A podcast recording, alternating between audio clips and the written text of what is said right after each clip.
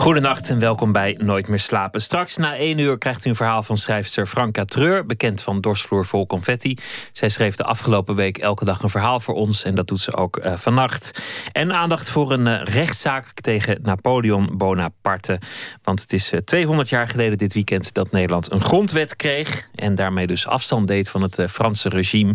En echte raadsheren zoals Ibo Buruma, die zullen hem berechten. Dat allemaal na één uur, maar we beginnen met uh, Job Roggeveen. Hartelijk welkom.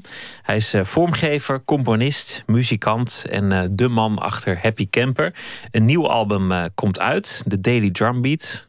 13 april is de officiële datum dat het verschijnt. Nee, hij is al uit. Oh, hij is al uit. Ja, hier... 13 april presenteren we hem voor het eerst live. Oh, okay. Maar hij is ja. 21 maart is hij uitgekomen. Ja. Zie je, ga meteen de mist in. Gaat lekker. En, en autopech was nog, was nog even zorgen om hier te komen? Ja, inderdaad. Ja, mijn auto staat ergens langs de A27 tussen Utrecht en Hilversum. Maar uh, gelukkig kon een taxi mij alsnog hierheen brengen. Ja, dus waarschijnlijk wordt het inderdaad niet meer slapen voor mij. Nou ja, misschien valt het allemaal mee. Toch? Precies. Dat, Ik hoop het.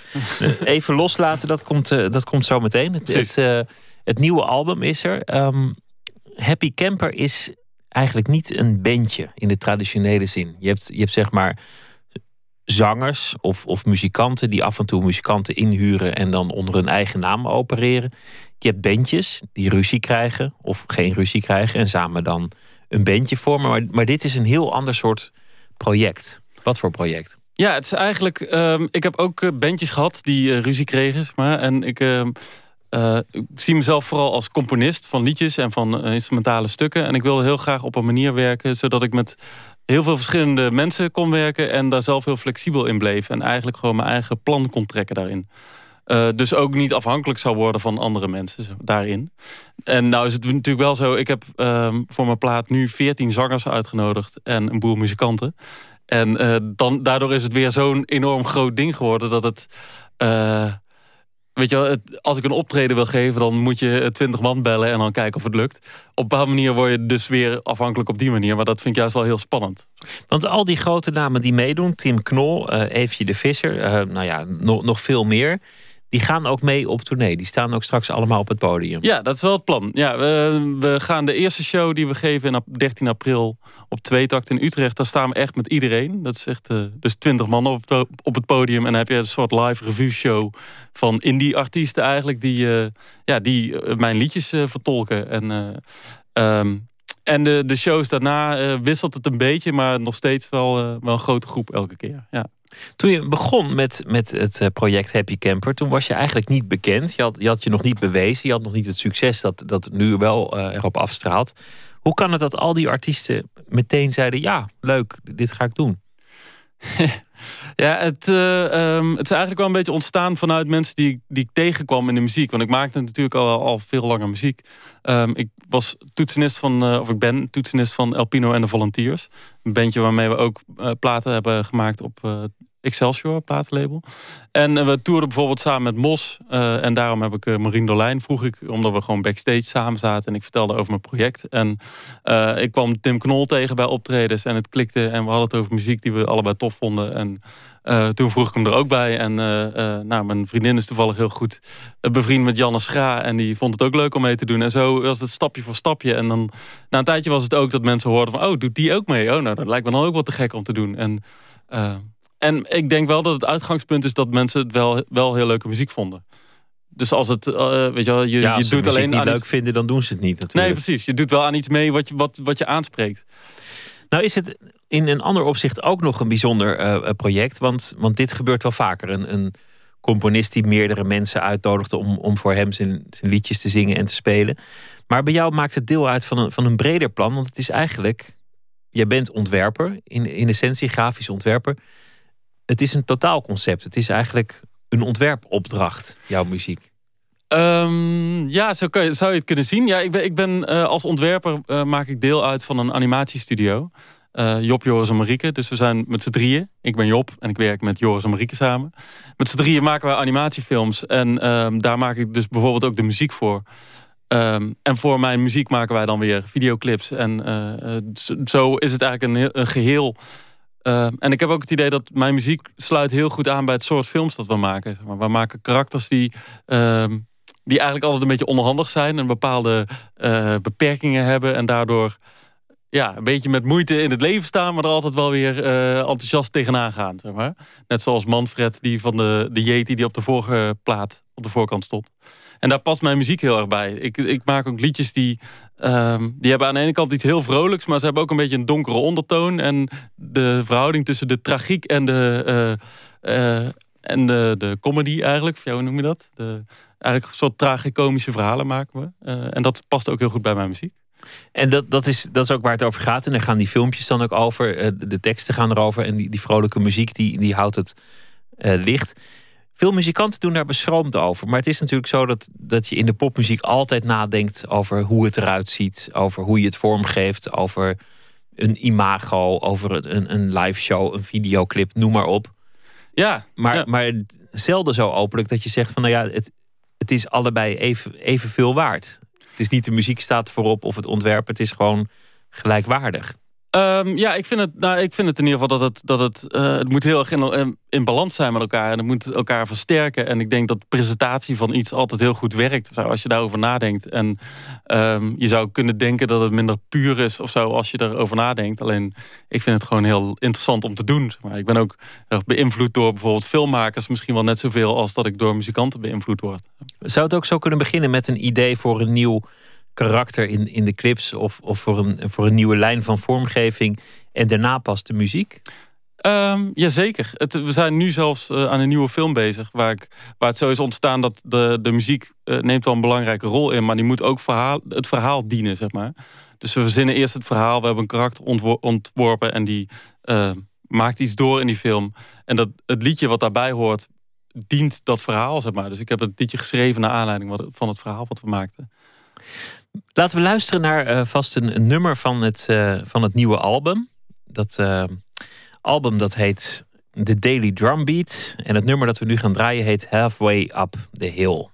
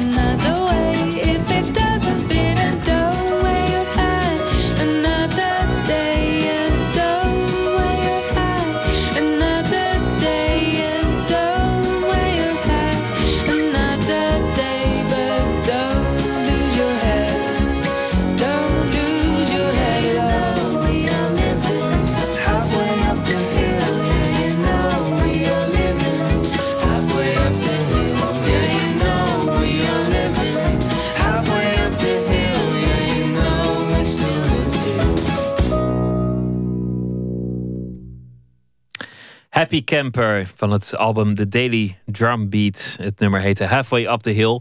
Gezongen door uh, Eefje de Visser in het Engels. Dat is uh, opmerkelijk. Zingt normaal vaak in het Nederlands natuurlijk.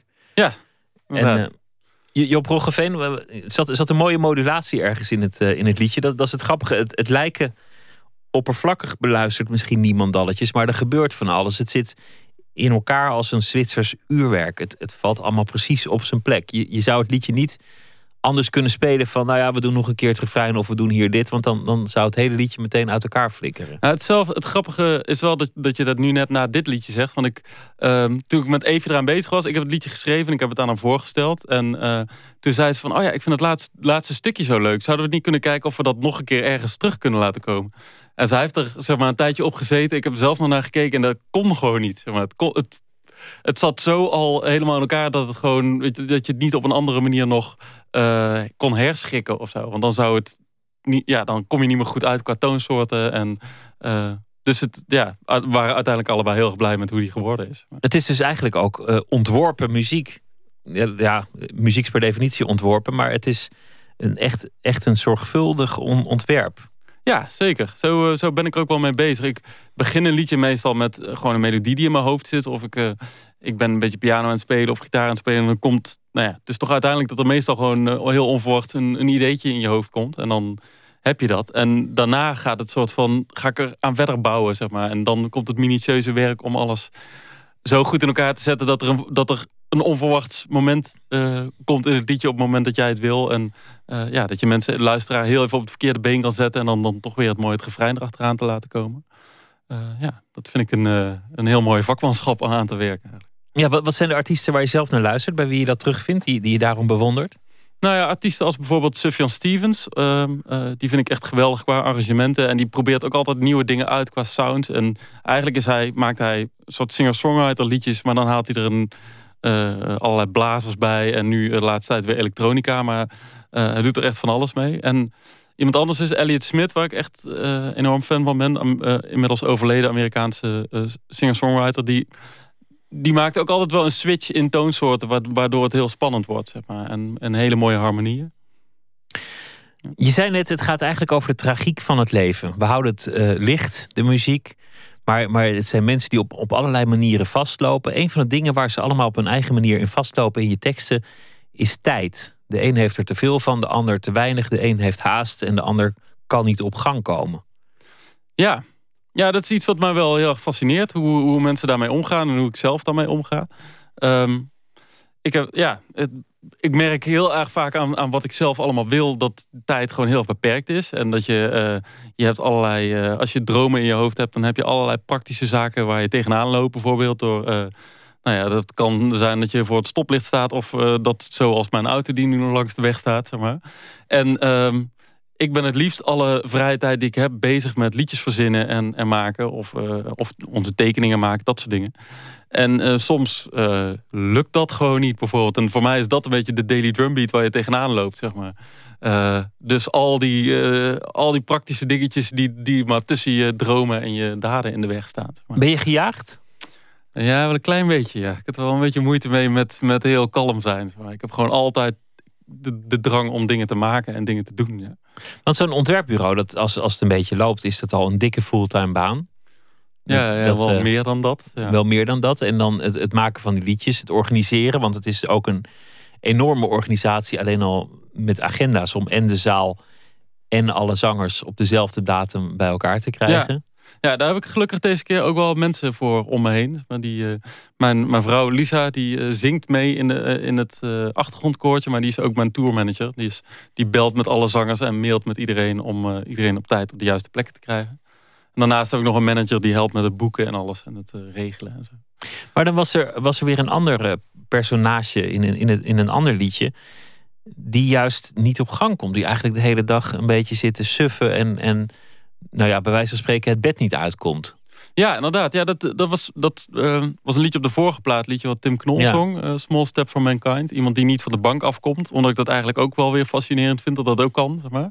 Of dat, uh, weet je, je mensen zijn natuurlijk heel erg verschillend. En ik, ik vind het nou eenmaal interessant om allerlei plannen uit te voeren en dingen te doen. En andere mensen die zouden daar heel erg Die vinden het fijner om juist de rust op te zoeken wanneer dat kan. Zeg maar. Heeft en, uiteindelijk ook te maken met gedrevenheid. De een heeft een missie en de ander misschien wat minder.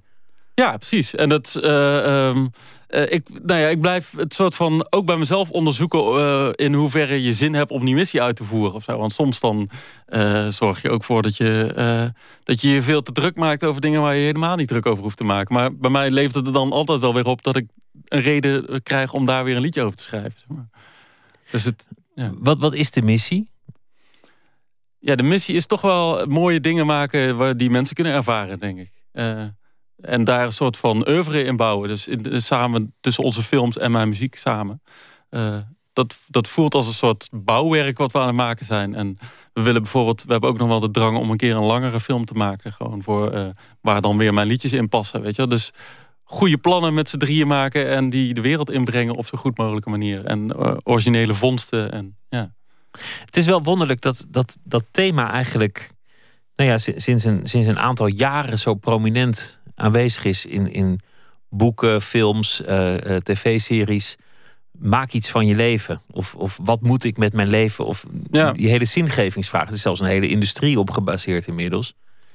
Ja, ik heb het idee dat het ook wel iets van, van mijn generatie een beetje is. Dat er, uh, dat zijn allerlei mensen die bijvoorbeeld een, vlak na een studie in een enorme crisis belanden. Omdat ze alles willen en niks lukt nog of zo. Of ze, ze hebben het idee dat, eh, dat alles dan ook eh, binnen een half jaar gelukt moet zijn. Terwijl je dingen misschien rustig op moet bouwen. En ik heb daar zelf, ben ik daar ook wel heel erg tegenaan gelopen. En ehm, andere generaties of mensen van andere plekken kijken er weer tegenaan alsof het een soort luxe probleem is of zo. Alleen ik denk dat er toch redelijk veel mensen uh, uh, daar wel moeite mee hebben.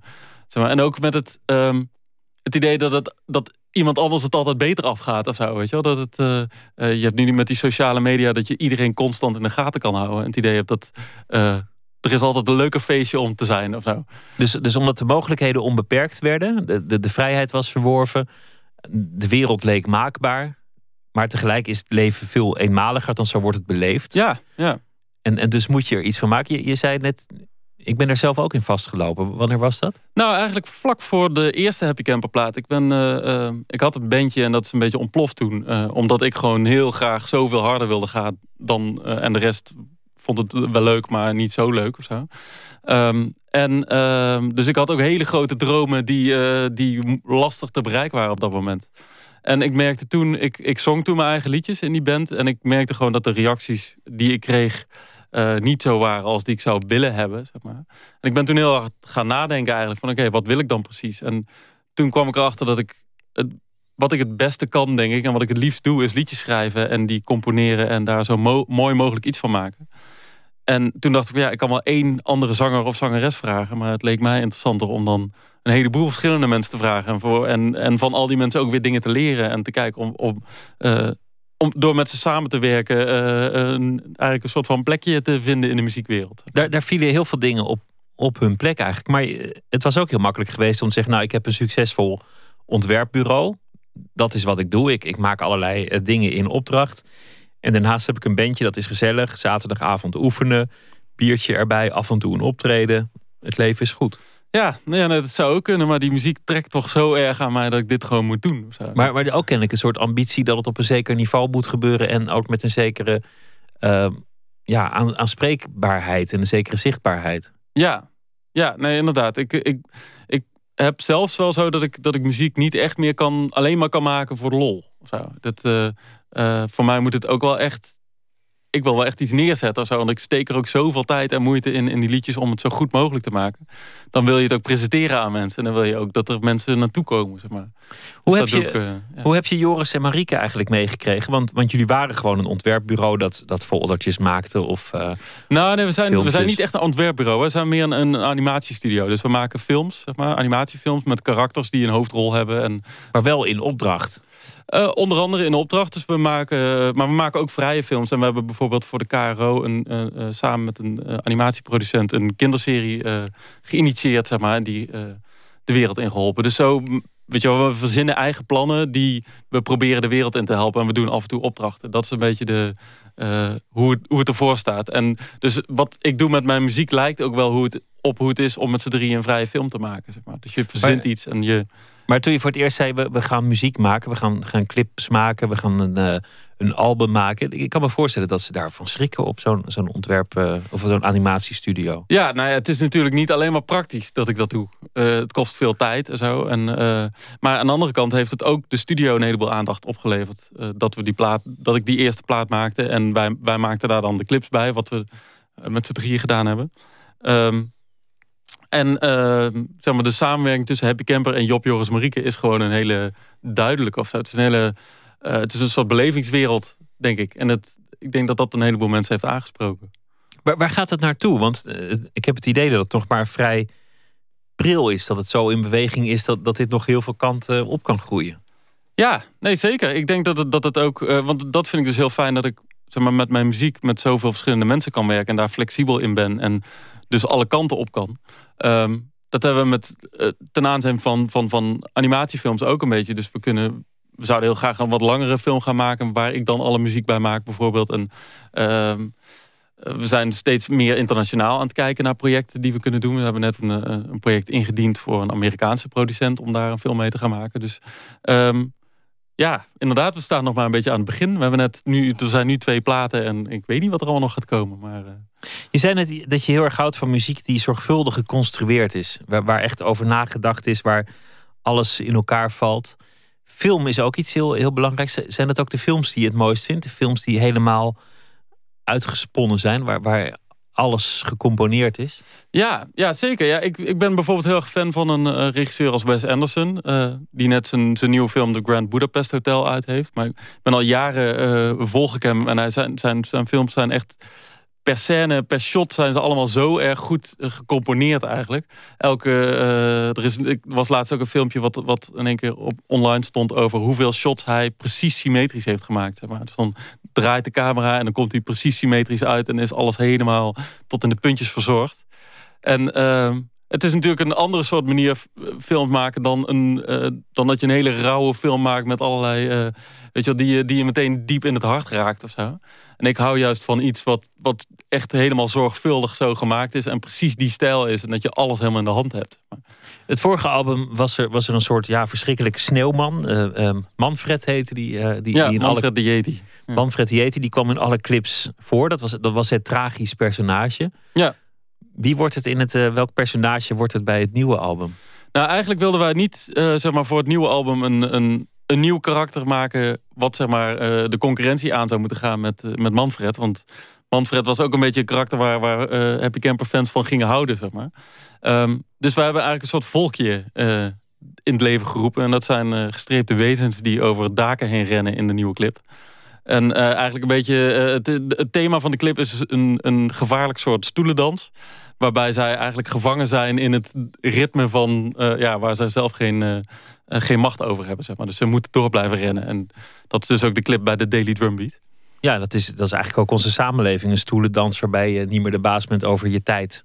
Waarin je wordt opgejaagd omdat je op dat plekje moet komen. Ja, maar we hebben het dan wel weer met hele schattige wezentjes gedaan. Dus wij vonden het, soort, het moet altijd een soort wisselwerking zijn tussen iets heel liefs en vrolijks en een beetje een donker randje. Dat, dat is waar ik van hou. Dus je moet mensen niet helemaal depressief maken, maar het is wel leuk als, als er een, een gedachte blijft hangen of dat ze even ontsnappen aan nou ja, die tredmolen of ja, iets. bijvoorbeeld. Maar ik, aan de andere kant, ik wil bijvoorbeeld ook liedjes maken die niet alleen maar heel vrolijk zijn, maar dan moet er ook weer een soort van. Uh, dan, dan is, gaat de tekst bijvoorbeeld weer over iets donkerders of zo. Die, die, die balans moet er altijd zijn.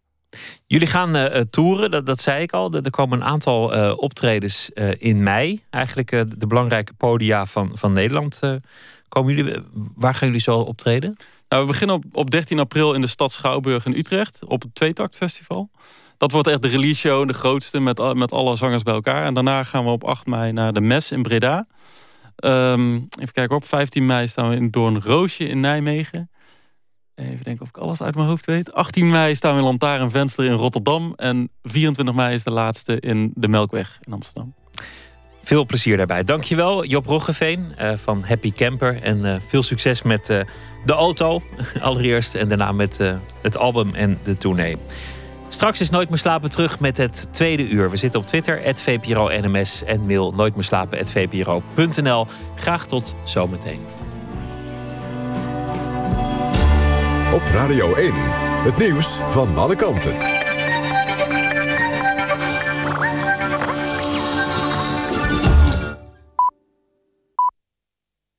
1 uur midden. Marjan Koekoek met het NOS-journaal. De politie heeft het onderzoek bij de juwelier in Deurne... waar de afgelopen dag twee overvallers werden doodgeschoten... voor vandaag afgerond. Het pand wordt wel bewaakt en de omgeving is met hekken afgezet. Het onderzoek gaat morgen verder. Juwelier Goldies werd aan het eind van de middag overvallen. De juwelier was zelf in de zaak. Zijn vrouw zag volgens omwonenden thuis, elders in Deurne... op beveiligingsbeelden dat er een overval was. Zij zou naar de zaak zijn gegaan en op de overvallers hebben geschoten. De juwelier raakte licht gewond. General Motors roept nog eens bijna een miljoen auto's terug naar de garage vanwege een mogelijk defect met het contact. Het zijn kleinere modellen van Chevrolet, Pontiac en Saturn. In totaal betreft de terugroepactie nu 2,6 miljoen auto's. In februari kwam GM met de eerste maatregelen... nadat zeker 12 mensen waren omgekomen bij verkeersongelukken. Het contact sprong spontaan op de uitstand... waardoor de auto bijna onbestuurbaar werd. De Amerikaanse toezichthouder zegt dat er daardoor meer dan 300 doden zijn gevallen. Maar GM bestrijdt dat. Volgens GM lijkt het erop dat een te zware sleutelbos de problemen veroorzaakt. En het concern adviseert eigenaren om niets aan de autosleutel te hangen... zolang ze nog niet naar de garage zijn geweest. Het Vaticaan is bereid om te bemiddelen in Venezuela... tussen president Maduro en de oppositie. Maduro staat onder steeds meer druk een bemiddelaar te zoeken. Hij zei gisteren dat de voormalige nuntius... de ambassadeur voor het Vaticaan in Venezuela... zou kunnen bemiddelen in het conflict. In Venezuela wordt al weken gedemonstreerd tegen de regering. De betogers eisen lagere prijzen, meer spullen in de winkels en politieke hervormingen. Het weer, vannacht lokaal wat nevel en in het noordoosten wat lage bewolking. Het wordt een graad of 4. Morgen volop zon en 16 tot 20 graden. Dit was het NOS Journaal. Radio 1. VPRO. Nooit meer slapen.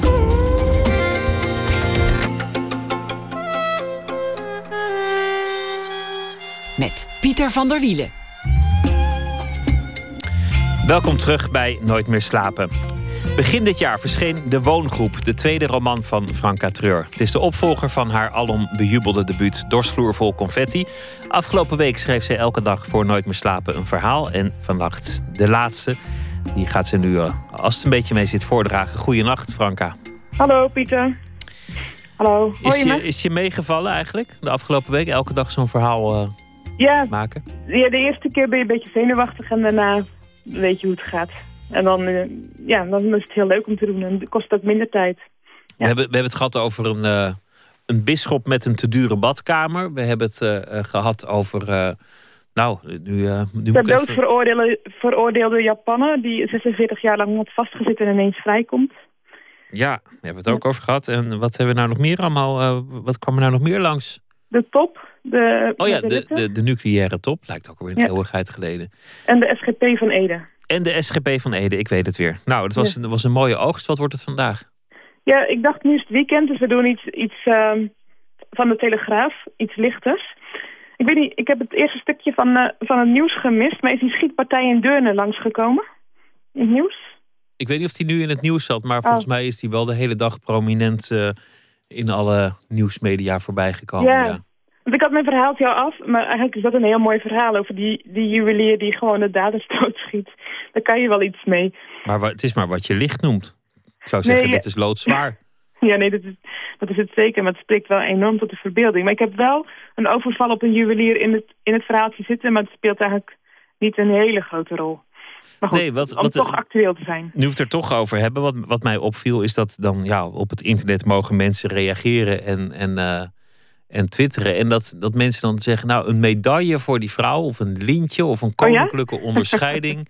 dat ze de overvaller... Ja, en, en dat gaat dan toch wel weer verder. Ik bedoel ik begrijp de situatie. En, en nou ja, oké, okay, niemand kiest ervoor om overvallen te worden. En wat er dan verder gebeurt, dat is dan eigenlijk ook niet meer je keuze. Maar ja, er is ook wel weer iemand dood. Het is natuurlijk ook niet iets om te juichen, per definitie. Nou, ook, al, ook al is het een overvaller. Ik bedoel, dood is toch wel weer heel erg dood, uiteindelijk. Ik zou toch liever uh, al mijn horloges en kettingen afgegeven hebben... in plaats van uh, moorden op mijn geweten hebben. Maar goed. Juist. Ja, uh, ik had dus een ander verhaaltje. Dat is eigenlijk al wat ouder. En ik dacht, het is ook wel interessant om eens te kijken naar wat voor impact een nieuwsbericht kan hebben. En uh, het, het, berichtje stond in februari al uh, op telegraaf.nl. En het gaat over een man die twintig jaar lang bij het graf van zijn overleden echtgenote had gezeten. Voordat hij zelf doodging. En daar waren foto's bij te zien op de website van de Telegraaf. En dan zie je die man op zijn in zijn tuinstoel zitten met een paraplu. En dan zie je dat graf ook met allemaal kleine Amerikaanse vlaggetjes erbij. En het uh, grappige van dat bericht is, het is heel veel gedeeld op Facebook. 4.500 keer ongeveer. Alleen dat bericht van de Telegraaf. Hè. Dus het is alleen Nederland. En het is heel veel getweet. En er is ook heel erg op gereageerd. Want mensen vonden het allemaal echt een heel mooi verhaal over de ware liefde en over trouw. En dat heeft mij geïnspireerd om een verhaaltje te schrijven over Wouter. En Wouter is een politieman. Ga je gang. Wouters staatslot met eindcijfer 9 heeft een match. Hij vergelijkt de cijfers nog een keer. Het is echt waar. 260 euro. Niet genoeg natuurlijk, maar toch een teken dat hij op de goede weg zit. Zijn besluit was dus juist. Hij kijkt nog wat rond op de website. Loten, zo ziet hij, koop je tegenwoordig ook online. Hij trekt zijn bureaula open en haalt zijn random reader eruit. Weet je wat? Hij koopt voor de volgende maand niet één lot, maar een hele straat. Hij sluit zijn ogen. Nooit meer met die lui op pad te moeten. Alleen nog maar te hoeven zitten. Wat had ik een lekkere nacht, zegt Wouter de volgende dag op het bureau. Niemand luistert, toch gaat hij door met opscheppen.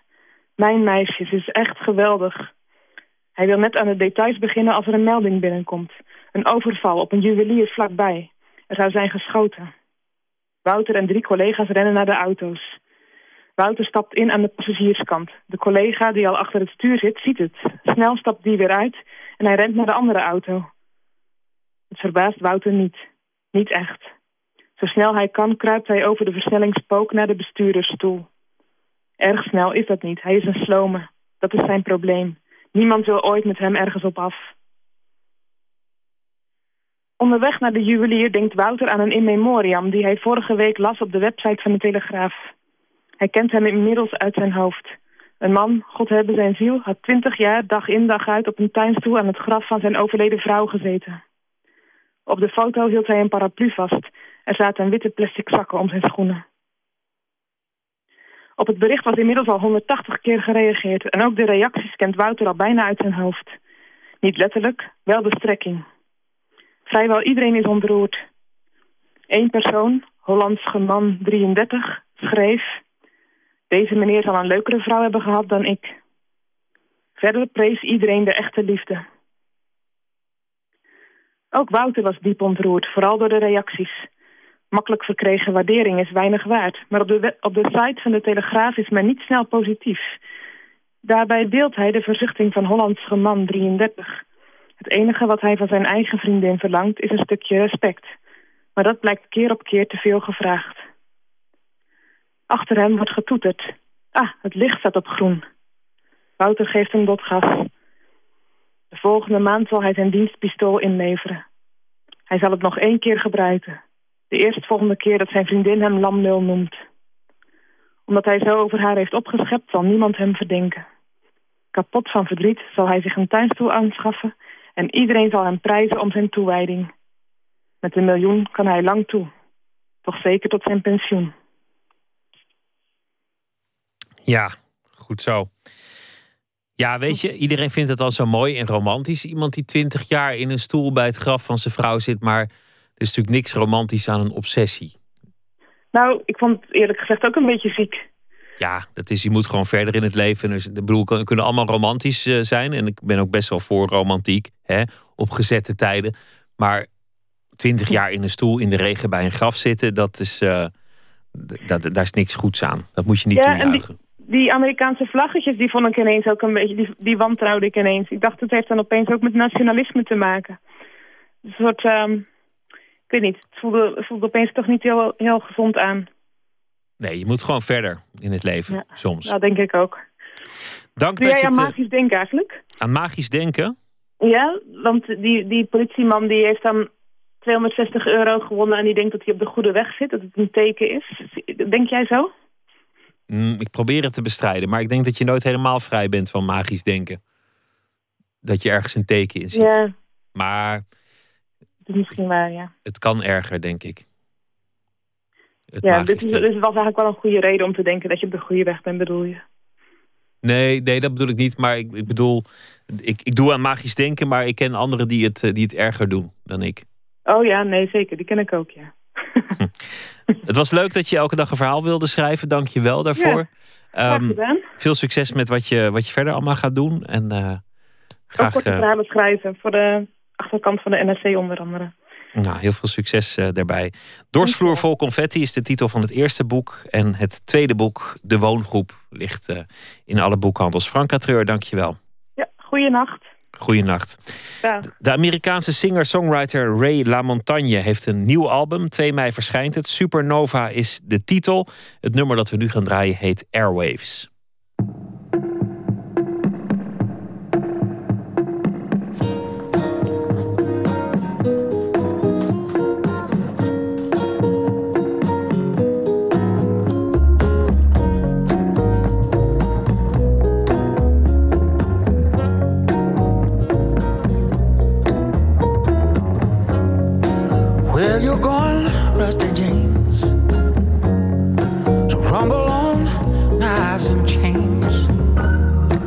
What you doing, Betty Sue? She said, What you thinking?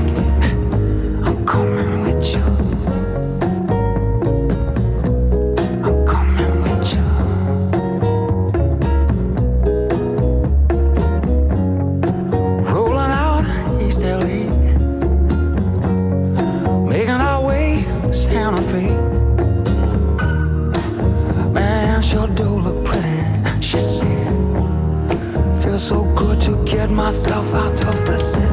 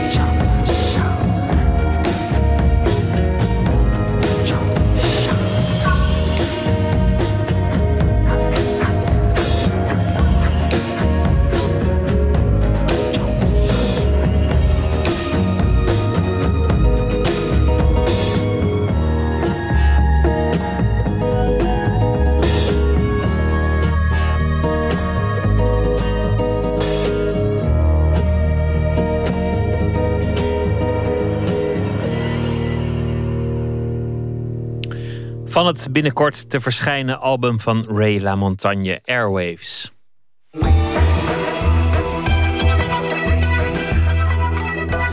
U luistert naar de VPRO op Radio 1. Napoleon Bonaparte zal zich morgen, zaterdag, verantwoorden voor zijn daden ten overstaan van echte raadsheren van de Hoge Raad. Raadsheer Ibo Burema treedt op als openbaar aanklager. Het is morgen, of vandaag, exact 200 jaar geleden dat de grondwet werd aangenomen na een periode van Franse overheersing.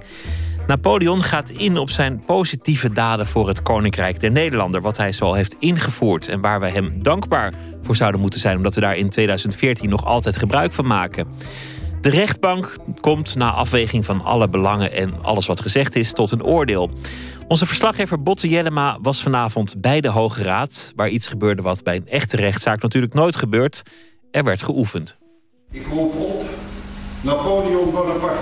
Zo, dan hebben we hier de heren Doesburg en Burema bij elkaar. Twee mannen die elkaar normaal gesproken niet zo snel zullen treffen, schat ik uh, zomaar in. Nee, maar dat gaat uh, vast veranderen. Jullie ja. kennen elkanders werk? ik, ik, ik, ken het werk van meneer uh, uitsluitend via de media. Ja. Oh ja, ja, ja, dat heb je dan natuurlijk. Ja. Johan Doesburg, je bent regisseur bij het Nationaal Toneel. Ja. Ivo Burema, u bent hier raadsheer. Ja. Uh, in de Kamer van de straf, die over strafzaken gaat. Klopt, ja. En is, want we zijn nu in de, de, de grote raadzaal, heet dit. Hè? Dit is de grote raadzaal. Hier worden de uitspraken vooral gedaan. Ja. De Hoge Raad heeft heel weinig zittingen waarbij er iets gebeurt. Er zijn andere, als je de gewone rechtbank ziet, dan zie je wat gebeuren. Als je naar een Amerikaanse rechtbank kijkt, zie je zelfs theater. Dat is in Nederland al helemaal ongebruikelijk. Maar hier gebeurt doorgaans niks. Want hier wordt alleen maar uitgesproken het oordeel. Juist. Aan de aanklacht van de openbare aanklager krijgt u de gelegenheid zich te verdedigen. En daarna zal dit buitengewoon gerechtshof volgens de regels van onze rechtsstaat een oordeel vellen over uw handelwijze. Is die hoge stoel die hier achter die balie staat, achter het bureau, of hoe heet het, de desk? Uh, hoe heet hoe dit? Heet dat? Hoe heet dit? De U zit er tafel? voortdurend achter. De tafel. Is dat uw stoel, die hoge Nee, nee, dat is de stoel van de president. Uh, of van de voorzitter. Mm -hmm. uh, de president is de president van de hele Hoge Raad. De voorzitter is van de Kamer die op dat moment zit. Ja. Uh, als de president hier zit, is dat bijvoorbeeld omdat er een nieuwe raadsheer komt of, of zo. Hè? Dan wordt hij ja. geïnstalleerd. In 1811 moeten de Nederlandse jongens die in armen en weeshuizen worden opgevoed... verplicht dienst nemen in uw legers. 169 kinderen worden in februari van dat jaar naar Versailles gezonden... om daar ingedeeld te worden bij de pupillen van de keizerlijke garde. Het, klinkt bijna onbelangrijk, maar dat is het natuurlijk helemaal niet. Nee, nee, dit is, staat dit heel is veel... het hoogste instituut als het over rechtszaken gaat in, in Nederland. Eventjes naar waar we nu op leunen. De grondwet. Uh, Johan uh, Doesburg, dit, de, dit, boek staat hier niet altijd, of wel altijd? Wat... Nee, dat is speciaal voor morgen even Maar het is geen theater, wel, uh, om het even goed te zeggen. Dit is echt. Dit is echt, ja. Dit is, komt uit een gesloten afdeling. ja, dat staat voorop, geloof ik inderdaad. Ja, ik dat het, neem aan dat dit dus de gesloten grondwet is archief. uit 1814 is. Een enorm boekwerk. Wat staat hier? 18. 25 was de drukkerij. Leest uh, Ivo Buren maar eventjes in, in Romeinse cijfers vlotjes voor. Aan de koning staat, den koning staat erboven. Maar dit hoeft niet de eerste druk te zijn, Dat hè? zal het zeker niet zijn. Hier staat nog, getekend 1815. En dat is eigenlijk al een aanpassing. Want in 1814 hadden we, waren, we, hadden we de, het, op grond van het ontwerp van de heer Van Hogendorp... die de koning ja. hier naartoe had gehaald. Ja. En toen was het echt het contract tussen het volk der Nederlanden met de koning. Maar de zuidelijke Nederlanden hebben toen gezegd... ja, maar wacht even, het is ook goed als we twee kamers hebben. Ja. En die kwam er toen ook in. En de zuidelijke Nederlanden wilden dat er ook meer mensenrechten in kwamen. Die kwamen er ook meer in. Juist. Dus aan de zuidelijke Nederlanden, die toen in 1830 zijn vertrokken... dat is wat we nu België noemen... Ja. Uh, hebben we eigenlijk veel te danken, wat altijd is gebleven. Onder andere... Dus Zuid-Brabant, ja, ja. Henegouwen, Gouwen, Antwerpen. Kortom, Gelderland, Luik, ja, Vlaanderen, ja. Oost en West. Check. Kortom. Nou, dat heeft een, uh, worden... een jaar of dertig geduurd. De Belgen hoorden hier nog bij. De Belgen en uh, Luxemburg. Ja, op 18 november 1811 voerde ik de burgerlijke stap. In zijn registers worden sindsdien geboortes, huwelijken, echtscheidingen, huwelijksaangifte, huwelijksafkondigingen, overlijdens bijgehouden. Nog steeds bieden deze registers de overheid inzicht in de burgerlijke staat van zijn bevolking. Dat u onroerende eigendom vastligt, heeft u aan mij te danken. Hier staat ook in bepaald dat er een hoge raad is. Eh, ja, dat geloof ik ook, als ik het wel heb. U bent van die hoge raad, meneer Burema. Dit is ontzettend niet voorbereid. Dus we weten niet op welke Dit is pagina. een hele spannende vraag die nu weer opwerpt. Nou ja, het gaat mij niet om, dat hij moet erin voor te lezen. Het gaat mij niet om dat u dat voorleest, maar het gaat erom dat Het het... systeem is op dat moment vastgelegd. En er zijn aanpassingen geweest in de loop van de honderden jaren. Maar dat is ook de, de, een, belang- een belangwekkend onderdeel van de voorstelling.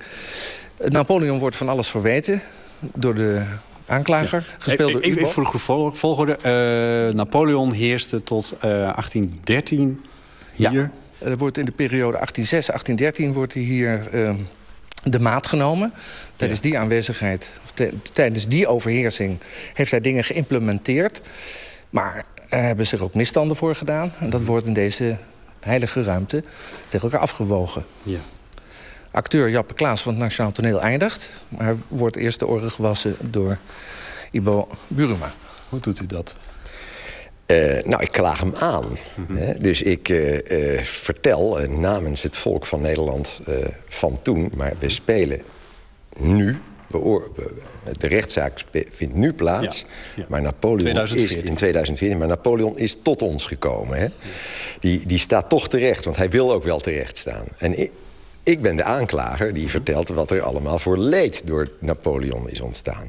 Wat zijn hoofdpunten daarbij?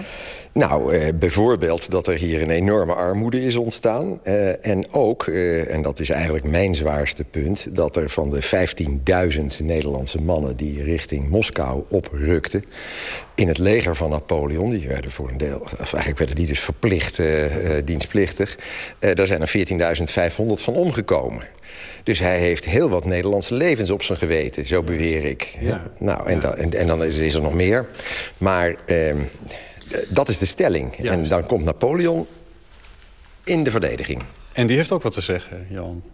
Nou ja, die zal, die zal zich beroepen op ehm, de implementaties waar ik het net over had. Dus het staatsbestel, heeft hij, eh, eh, daar heeft hij een bodem voor gelegd. Hij niet persoonlijk, maar zijn surroundings. Dus eh, het gelijkheidsbeginsel, eh, het kadaster, de maatvoering... Ik bedoel, de, het, eh, de nomenclatuur wat namen betreft enzovoort. Allemaal dingen die door hem zijn bedacht. Achternamen En- hebben we aan hem te danken, ja, geloof ik. ja, ja, ja. Nou ja, hij heeft een paar hele goede dingen te zeggen. Maar de aanklager kan natuurlijk eh, verwijzen naar nog veel meer doden. Er zijn meer oorlogen geweest. Hij noemde er net één. Eh, dus eh, willekeur van handelen en noem maar op enzovoort. Dus Nederland eh, raakte geïsoleerd van Engeland. En dat zorgde voor eh, ja, bittere armoede. En meer doden dan dus direct te tellen zijn. Want mensen gingen er gewoon aan. Dus ons volk werd als een provincie eh, behandeld... en als een eh, buitengewest gekneveld. Maar wat een van de heel bijzondere dingen is... en dat is de reden ook van de voorstelling, zou je kunnen zeggen... is dat de, de, de komst van Napoleon heeft natuurlijk toch... hoe je het ook bent of keert, er eigenlijk vooral voor gezorgd... dat Nederland één Nederland werd. Daarvoor waren we de Republiek van de Verenigde Nederlanden. En eh, het aparte is dat je dus dat gevoel van die provincies... eh, dat die iets aparts waren, dat zie je nog terug. Bijvoorbeeld in die grondwet van 1815. Ik heb hier die bladzij met die Hoge Raad. Kijk, kijk, Er gevonden ondertussen. er bestaat voor het hele Rijk een opperste gerechtshof onder de naam van Hoge Raad der Nederlanden. En het Hoge tweede nog lid, met twee O's geschreven. zeker. En dan zegt het tweede lid, deszelfs leden worden zoveel mogelijk uit alle de provinciën genomen. Kijk. Dat is zo belangrijk dat het uit die provincies komt. Dat is nog een herinnering aan daarvoor.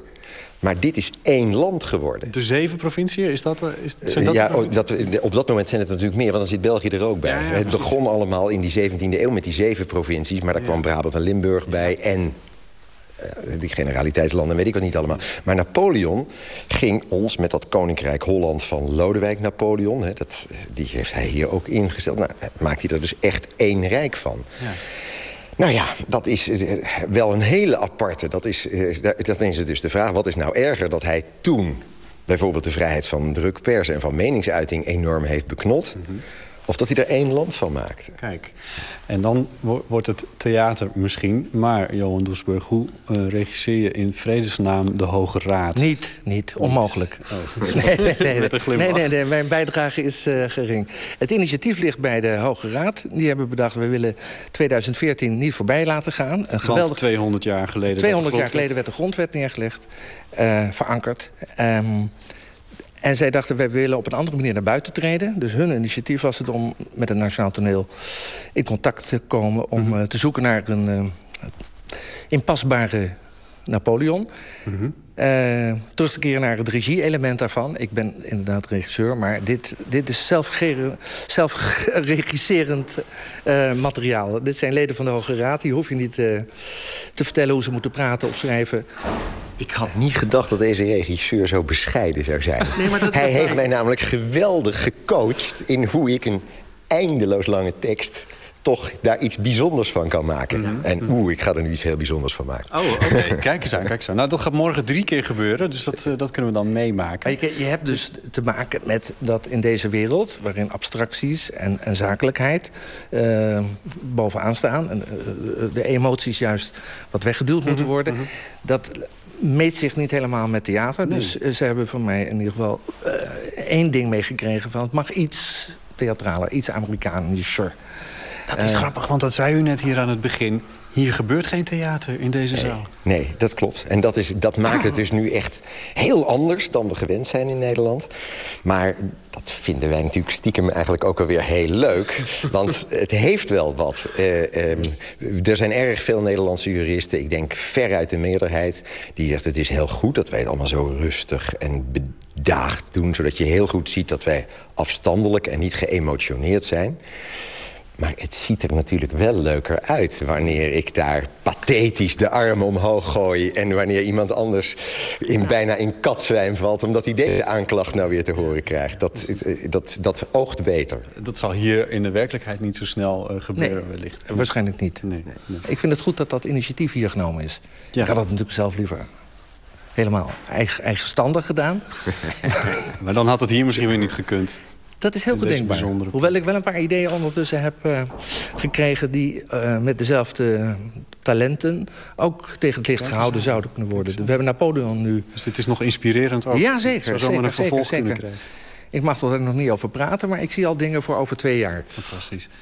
Heren, ik wens u heel veel plezier. Vooral morgen, want dan moet het allemaal gebeuren. Dan gaat het gebeuren. Vanavond nog een keer oefenen. Ja. Ja. Onder de leiding van Johan Doesburg. Ja, veel plezier. Dank u wel, Ivo. Dit buitengewoon gerechtshof heeft geoordeeld. Dit was onze uitspraak en daar moet u het mee doen. Raadsheer Ibo Burema van de Hoge Raad en regisseur Johan Doesburg van het Nationaal Toneel over de voorstelling Innocent ter gelegenheid van 200 jaar grondwet. Morgen vandaag, zaterdag in ieder geval, drie keer te zien bij de Hoge Raad der Nederlanden in Den Haag. Om 11 uur, 1 uur en 3 uur. Meer informatie via de site rechtspraak.nl. We gaan luisteren naar een uh, nummer van de Nederlandse singer-songwriter Marieke Jager. Zij heeft een nieuw album gelanceerd, The Silent Song. Ze maakte die plaat in een klein leme huisje in haar achtertuin. We draaien de eerste single, Secret. You, you are my secret. And I won't, won't give you away. I carry a secret, and this one wants to be told. For nights and days it curled up with me, but it doesn't want to grow old. So it waits at my door and it gives me that look with longing eyes, and it tries and it cries and it barks and it howls during midnight hours. It's time, it's time, it's time. I'm keeping a secret, and it's not supposed to get out. So I tied it up real good just in case one day I'd leave the door open. And it gave me that look when I covered its mouth. I used rope and some tape, no way it would escape. And whoever walked by wouldn't notice it's there. No, it's mine, it's mine, it's mine. Oh, you, you are my secret and I won't,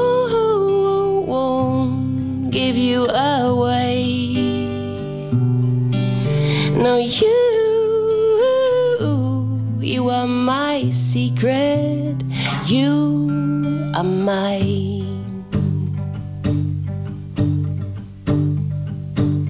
I've been told a secret. I wish I could turn back the time. It feels dark and cold, too precious to hold, and we don't seem to get along fine. It appears in my dreams and it shows up at night. Sleeps under my bed, and I'll never forget how I shivered inside when it called out to me I am yours, I'm yours, I'm yours. Oh, you, you are my secret and I won't,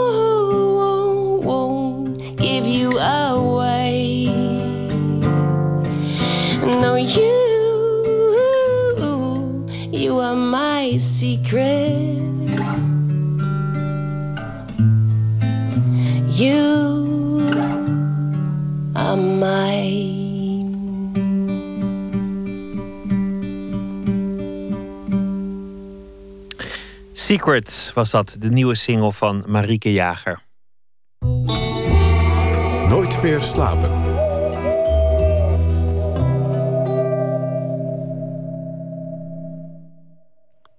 Elke vrijdag bellen we voor een cult.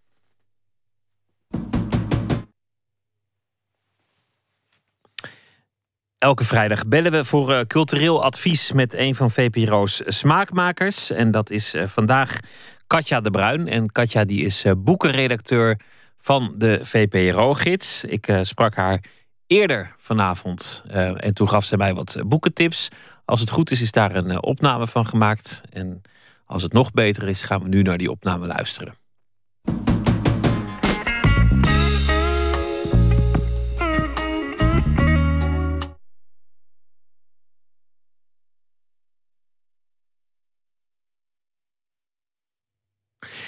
Goed, er, uh, er gaat hier uh, van alles lekker mis. Dat, uh, dat kan soms gebeuren. Dan, dan moet je zoeken naar een opname die ergens, um, nou ja, er vandoor is.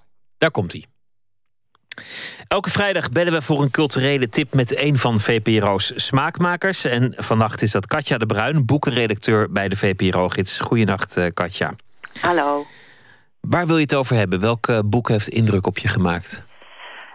nou, ik wil het hebben over een boek dat al uh, een paar maanden geleden is verschenen... maar waarvan ik pas heel onlangs de schrijfster kon interviewen. En die heet, hou je vast, Chimamanda Ngozi Adichie.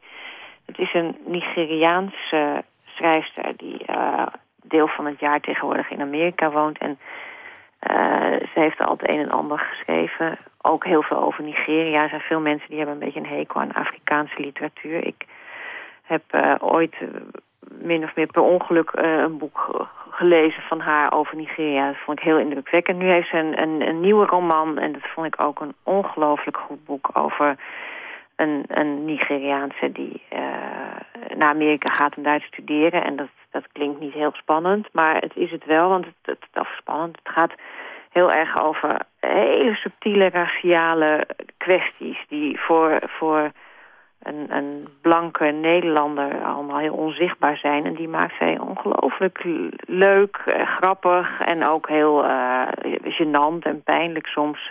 Shimamanda Ngozi Adichie, Americana.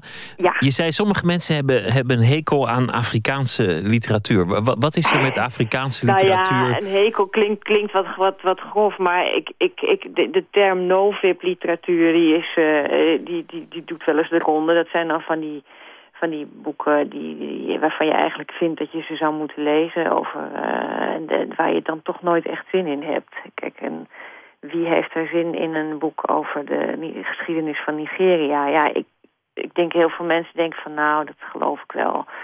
Terwijl zij dus zo'n geweldig goede schrijfster is... dat zij daar een, een heel erg eh, goed boek over uh, heeft geschreven. Maar ja, dat, het is niet makkelijk om daarmee door te breken. En dit is een, veel ja, dit, dit, is een heel toegankelijk boek over een wereld die wij veel beter kennen. Dus het is een hele goede kennismaking met haar, als je er nog niet kent.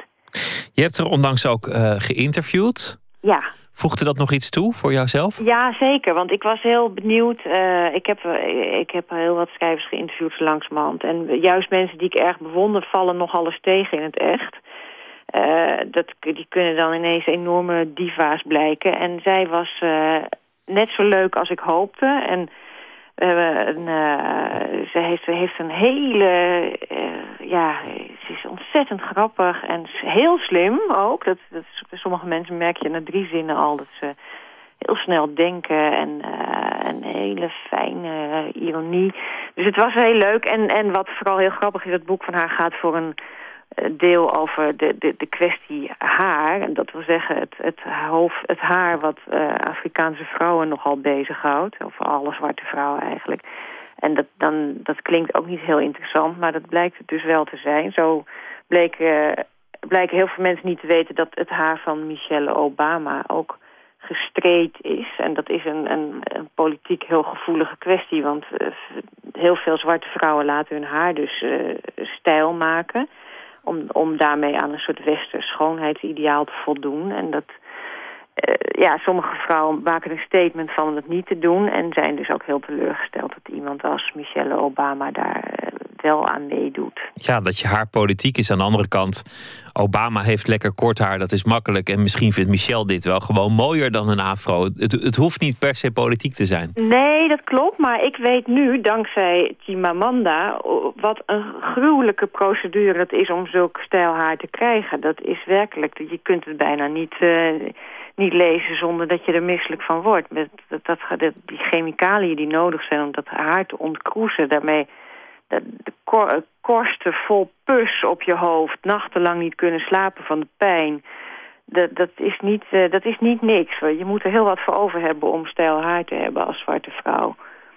Interessant. Een, eh, een aanrader, Chimamanda Ngozi Adichie, Americana. Ja. Ik wil het ook nog met je hebben over het rumoer in de boekenwereld in Nederland. Zo'n tijdje aan, aan de gang. Momenteel ja. is, is eigenlijk de vraag: ja, welke boekwinkel wordt gered wordt overgenomen en, en welke niet. Ja. Jij, jij, wilde ook wat goed nieuws melden over de boekenwereld. Wat ja, is dat? er wordt natuurlijk heel veel geklaagd en, uh, en dat snap ik ook heel goed. Uitgevers hebben ook alle reden om, om zich zorgen te maken.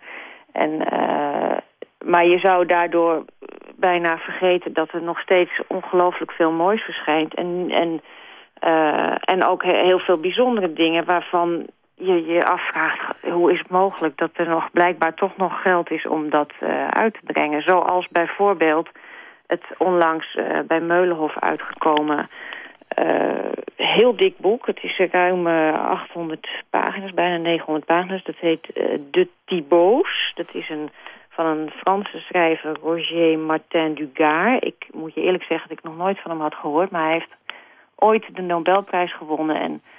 Uh, Maarten Hart heeft een korte inleiding bijgeschreven. Die, die noemt hem een soort toegankelijke proest. En daar zit wel iets in. Het is heel... Uh, het is een heel dit is het eerste deel van een, een, een, een, reeks boeken die hij in de jaren 20, 30 heeft geschreven. Uh, een familiesaga over, over twee Franse families. hij heeft een voorbeeld genomen aan, aan Tolstoy hij las op zijn zeventiende Oorlog en Vrede en was daar zo diep van onder de indruk dat hij... Ja, eigenlijk is hij een soort Franse Tolstoy. En het bijzondere vind ik dat dat, dat boek is nooit eerder vertaald... terwijl het echter wel een, een klassieker is in Frankrijk. Dat is toch opmerkelijk dat er zoveel herontdekte klassiekers uh, uh, in de schappen liggen. Stoner ja. was natuurlijk een gigantisch uh, succes. Ja, maar, maar er dat, zijn dat, er... Dat, er zijn er heel veel. En eigenlijk ja. elke uitgever heeft, begint nu ook een eigen... Sommige uitgevers deden dat al langer, maar hebben nu een, een eigen reeksje... Met, met, met bijzondere klassiekers, met her, herontdekte uh, schrijvers die ze onder, onder het stof vandaan halen. En dat vind ik een hele goede ontwikkeling. Want Maar ook wel weer jammer voor de jonge debutanten van, van 22 die nu een meesterwerk hebben geschreven. Nou, maar die, hebben ook, eh, die, die komen ook nog steeds volop uh, aan bod. Want ik verbaas me er wel eens over dat er nog steeds kennelijk nog, nog genoeg geld is om, om daar ook nog uh, om zoveel debutanten nog uit te geven. Die, die, zullen er misschien wel minder zijn een aantal jaar geleden. Maar het is zeker niet zo dat, er, dat je kansloos bent. Dat, dus ik, ik, ik, ik voor mij uh, prefereer uh, zo'n zo'n zo'n uh, dappere uitgave als dit, dit, deze vertaling van dit fantastische boek. Rocher Martin Dugard de Thibault. Een ja. aanrader, net als het boek Americana van Chimamanda Ngozi Adichie. Zeker. Dankjewel Katja de Bruin voor het ja. leesvoer voor de komende weken. Misschien wel voor de hele zomer. En een, ja, daar kun je wel mee toe, ja. En een hele goede nacht. Oké, okay, dag. Dag. We gaan luisteren naar uh, RB uit uh, vervlogen tijden, begin jaren 70. The Independence. Het nummer heet Leaving Me.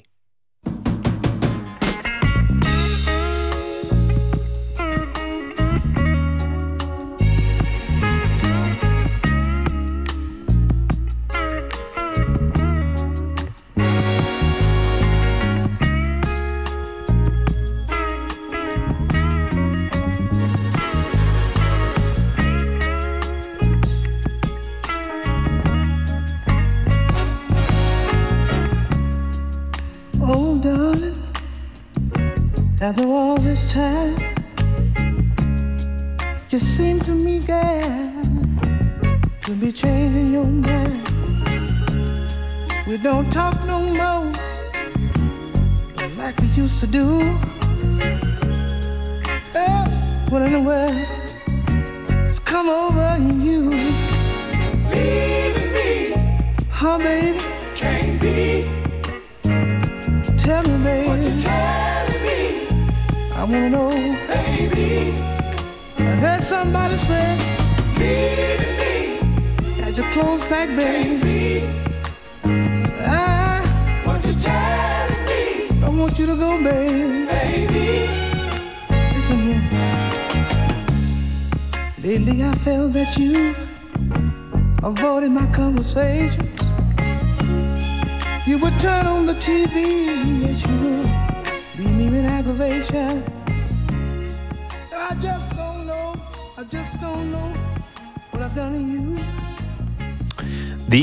Het nummer heet Leaving Me.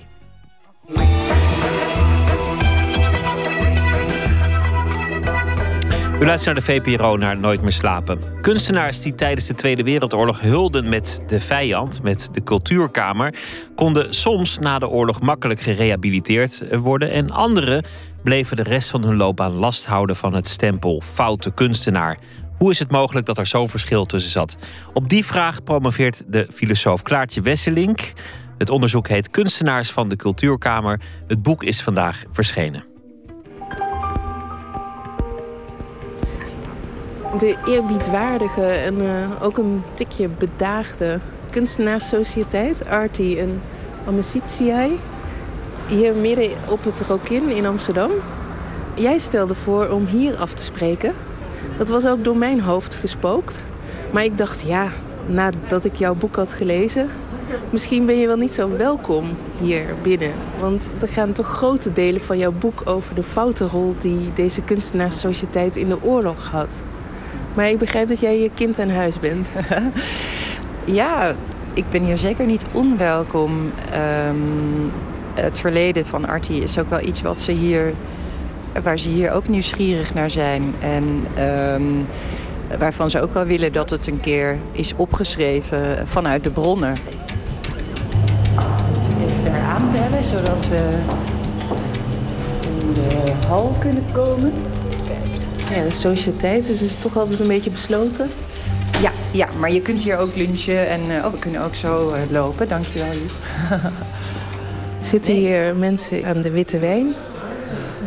Hele klassieke inrichting. Niet in elk café hangt een echte Breitner boven het biljart. ja, dat is mooi, hè? Dat is prachtig. Ja, Breitner was hier ook lid. Dit Door Berlage verbouwd trappenhuis. Ja. Indrukwekkend wel. Mooi hè? Ook veel donker hout, donker houten plafond. Ja, prachtig. En hier zie je twee gedenkborden voor leden van verdiensten. Dus mensen die veel voor de maatschappij Artiet Amicitia gedaan hebben. Die, even kijken, ja, hier zie je de, de namen ook van een aantal Joodse kunstenaars die tijdens de oorlog hier uh, gerooieerd zijn en uh, in de oorlog zijn vermoord in Duitse concentratiekampen. Wat was hun rol in de oorlog? Hoe hebben zij zich opgesteld?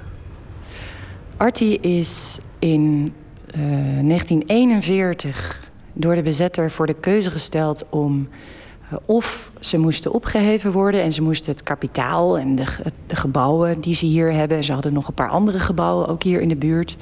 Ze waren behoorlijk rijk voor een kunstenaarsvereniging. Uh, dus ofwel opheffen en alles inleveren, ook het bezit. Ofwel doorgaan, maar dan moesten er flinke concessies gedaan worden aan de bezetter. In de eerste plaats alle Joodse leden uh, royeren. Dus arisering van de, uh, van de vereniging of nazificering. ook inschrijven bij de cultuurkamer door de vereniging. Um, dat waren de twee belangrijkste eisen. Maar ook bijvoorbeeld de banden met het Koninklijk Huis moesten worden doorgeknipt.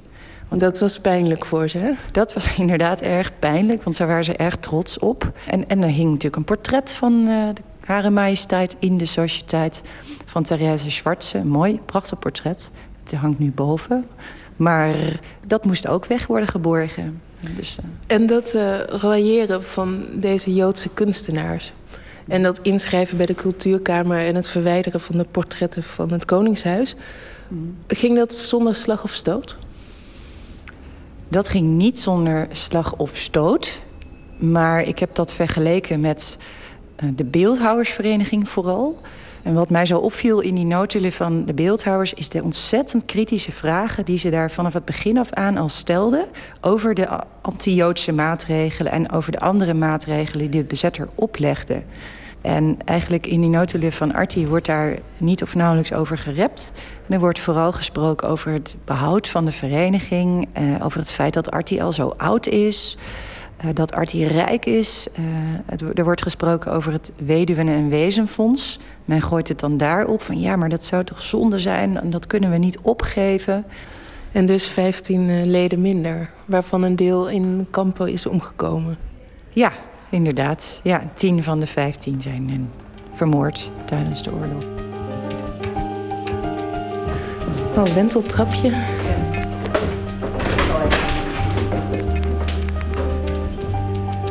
We mogen zelfs in de bestuurskamer.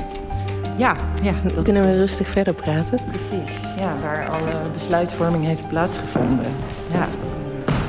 Dat is hier boven aan de trap. Ja, even aanbellen. De bestuurskamer zitten we nu, met zo'n vissengraat parket. Ja. En uh, ja. hier hangt inderdaad het uh, schilderij van Wilhelmina. Ja. Van Therese Zwartse. Ja. Achter jou weer in uh, volle glorie ja. in ere hersteld eigenlijk. Ja, behalve dat het nu niet in de sociëteit hangt, maar in de bestuurskamer. En na de oorlog was daar ook wel discussie over. Dat vond ik dan weer in die vergaderingsverslagen. Maar uh, de koningin was dus, hè, die banden waren verbroken tijdens de oorlog door de vereniging op last van de bezetter. En na de oorlog wilde Artie die banden graag wel weer aanhalen. Maar toen wilde de koningin dat niet meer, want die vond dat Artie fout was geweest. En uh, die was ook beledigd dat ze de banden hadden verbroken... en vond het niet goed dat Artie zich bij de cultuurkamer had aangesloten, et cetera. Dus uh, toen heeft de koningin haar handen ervan afgetrokken, zo gezegd. En daarop was men dan bij Artie wel weer een beetje beledigd. En heeft men besproken in de vergadering wat er dan met het portret moest gebeuren van Wilhelmina. Of dat portret dan wel of niet terug moest worden gehangen in de sociëteit. En toen is uiteindelijk besloten om dat dan niet te doen. Um, dus tot op de dag van vandaag hangt ze hier op de bovenste verdieping in de, ja. in de bestuurskamer? Ja, ik, ik weet niet hoor of het tussentijds... Misschien is het ook tussentijds best wel weer eens beneden geweest in de sociëteit. Maar in ieder geval die uh, geschiedenis net na de oorlog... daarbij besloot men dan om het niet terug te hangen. En ik vond het wel grappig, want in een van die verslagen... sprak een schilder tijdens de vergadering die zei... Wij zijn wel voor verzoening, maar het moet niet van onze kant komen. Hier op tafel ligt eh, je boek, Vers Ja. van de Pers. Ja. Er zit een kleurensectie in met een aantal werken van kunstenaars die je beschrijft in je boek. Je beschrijft hun levens en hun houding ten opzichte van het fascisme voor, tijdens en na de oorlog. En je onderzoekt eigenlijk, dat is denk ik je hoofdvraag, waarom de ene kunstenaar daarna gerehabiliteerd wordt en de andere niet. En misschien is het illustratief om te kijken naar een werk van eh, Pijke Koch Ja. eh, en Henry van der Velde. Ja. Henry van der Velde, daar hebben we na de oorlog niet zoveel meer van gehoord. Nee, inderdaad. Dit, dit is een werk, kan jij het omschrijven? De nieuwe mens. Ja. Met SCH. Ja, ja dat is eh, nu Van der Veldes bekendste werk... omdat het is aangekocht door het Rijksmuseum. Maar dat is een nationaal socialistisch propagandakunstwerk. Dat een, een heel groot schilderij, meer dan manshoog. Het verbeeldt een mens, een, een strijder, een man met een ontbloot bovenlichaam... met een zwaard in zijn hand, een blonde figuur. En dat ziet er ook heel arisch uit... En die trekt op dat schilderij ten strijde tegen het communisme en tegen het kapitalisme. En ook tegen het rationalisme. Eh, dat zijn dan drie ismes waar het nationaal socialisme tegen was. Dus dat wordt dan allemaal verbeeld in dit grote doek. Dus er gebeurt ontzettend veel op dat werk. Ik vind het een beetje grotesk als ik er nu naar kijk. Ja. Maar hoe werd het voor de oorlog eh, beschouwd? Want dit komt uit 1937. Ja, circa, inderdaad. Het is, we weten dat het voor de oorlog één keer geëxposeerd is. In de kunstzaal van Karel van Lier, hier vlakbij aan het Rokin. Dat is ook wel weer bijzonder, heeft het gehangen. En is het door de critici ja, eigenlijk wel welwillend ontvangen en beschreven. Eh, er was één criticus die het duidelijk niet zag zitten met dit werk. Dat was eh, Paul Sanders van eh, Dagblad Het Volk. En die schreef er behoorlijk kritisch over. En die insinueerde ook wel een beetje... Hij, hij associeerde het ook een beetje met Nazi-Duitsland. Zo tussen de regels door. Maar die periode voor, de, eh, voor het begin van de oorlog zou je kunnen zeggen dat de, de smaak in Nederland, die was niet zo heel anders dan die van de nazi's.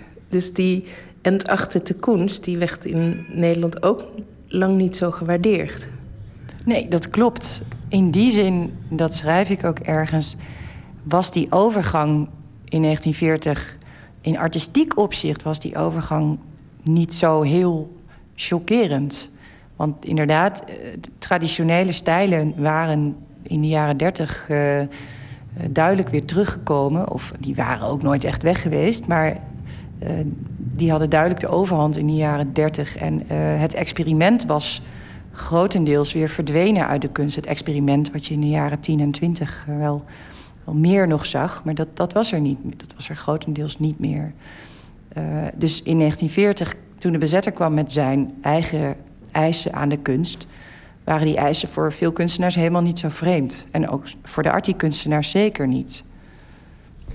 Een andere kunstenaar eh, waar je veel over schrijft is dus eh Pijke Koch. We kijken nu naar zelfportret met zwarte band uit 1937. Wat is het voor werk? Dit is een heel eh, realistisch kunstwerk, een zelfportret dus. En hij heeft het geschilderd, men zegt, en ik denk ook dat dat waar is, vanuit zijn sympathie voor Mussolini en het fascisme. Maar daar zijn de meningen nog wel een beetje over verdeeld. Maar de meesten neigen er geloof ik toch wel naar om dat te beamen. En dus dat inderdaad, dat er fascistische eh, ideeën achter schuilen, achter dat werk. Dat komt natuurlijk vooral door die zwarte hoofdband. Maar ook wel door eh, teksten die hij uitsprak. Eh, ja, zeker. Ja, zeker. Pro-Mussolini was hij al. Maar tijdens de oorlog heeft hij ook zich in tijdschriften uitgesproken over het nationaal socialisme en over Hitler. En in de eerste anderhalf, of eerste jaar van de oorlog, moet ik correct zeggen, was hij ook pro-Hitler geworden. En dacht hij dat het Derde Rijk de toekomst had voor Europa. En eh, dat, dat dit nu de nieuwe situatie was en dat dat ook heel goed was. Hoe kan het nou dat Bijke Koch, zijn werken zijn heel bekend en worden nog steeds eh, heel veel tentoongesteld. Dat hij dus uh, ja, gewoon gerehabiliteerd is. De, ik las een tekstje uh, wat het Centraal Museum, want die hebben dit schilderij in hun bezit. Um, en dan staat er zo'n museumtekstje bij. En daar wordt wel, wordt wel gerefereerd aan Mussolini, maar bijvoorbeeld niet aan Hitler. Nee. Het is een hele neutrale tekst. Mm. Um, en deze uh, Van der Velde, ja. de nieuwe mens, is in bezit van het Rijksmuseum. Maar op de historische afdeling, misschien ook omdat het ook toch best wel een lelijk werk is. maar dat is mijn smaak. Um, nou ja, ik ben niet de enige. Oké, okay. gelukkig. Hoe kan het dat het zo verschillend afgelopen is met deze mannen? Ja, hun politieke achtergrond is daar niet de grootste reden van. Het is niet dat het hun mate van collaboratie evenredig was met hoe zij na de oorlog werden behandeld of als, als kunstenaar, of de mate waarin hun kunst uit de gratie raakte. En heb ik moeten concluderen dat het uiteindelijk toch gewoon de kunst van die mensen is geweest. En de mate waarin zij van belang werden geacht voor de zogeheten kanon van de Nederlandse kunst. Kochs kunst, daar was men het overigens voor de oorlog ook al over eens, werd toegezien als het beste van zijn tijd en van zijn stijl. En dat zie je na de oorlog ook. Ook bij mensen die in het verzet hadden gezeten, die waren het er unaniem over eens dat zijn kunst ontzettend goed was.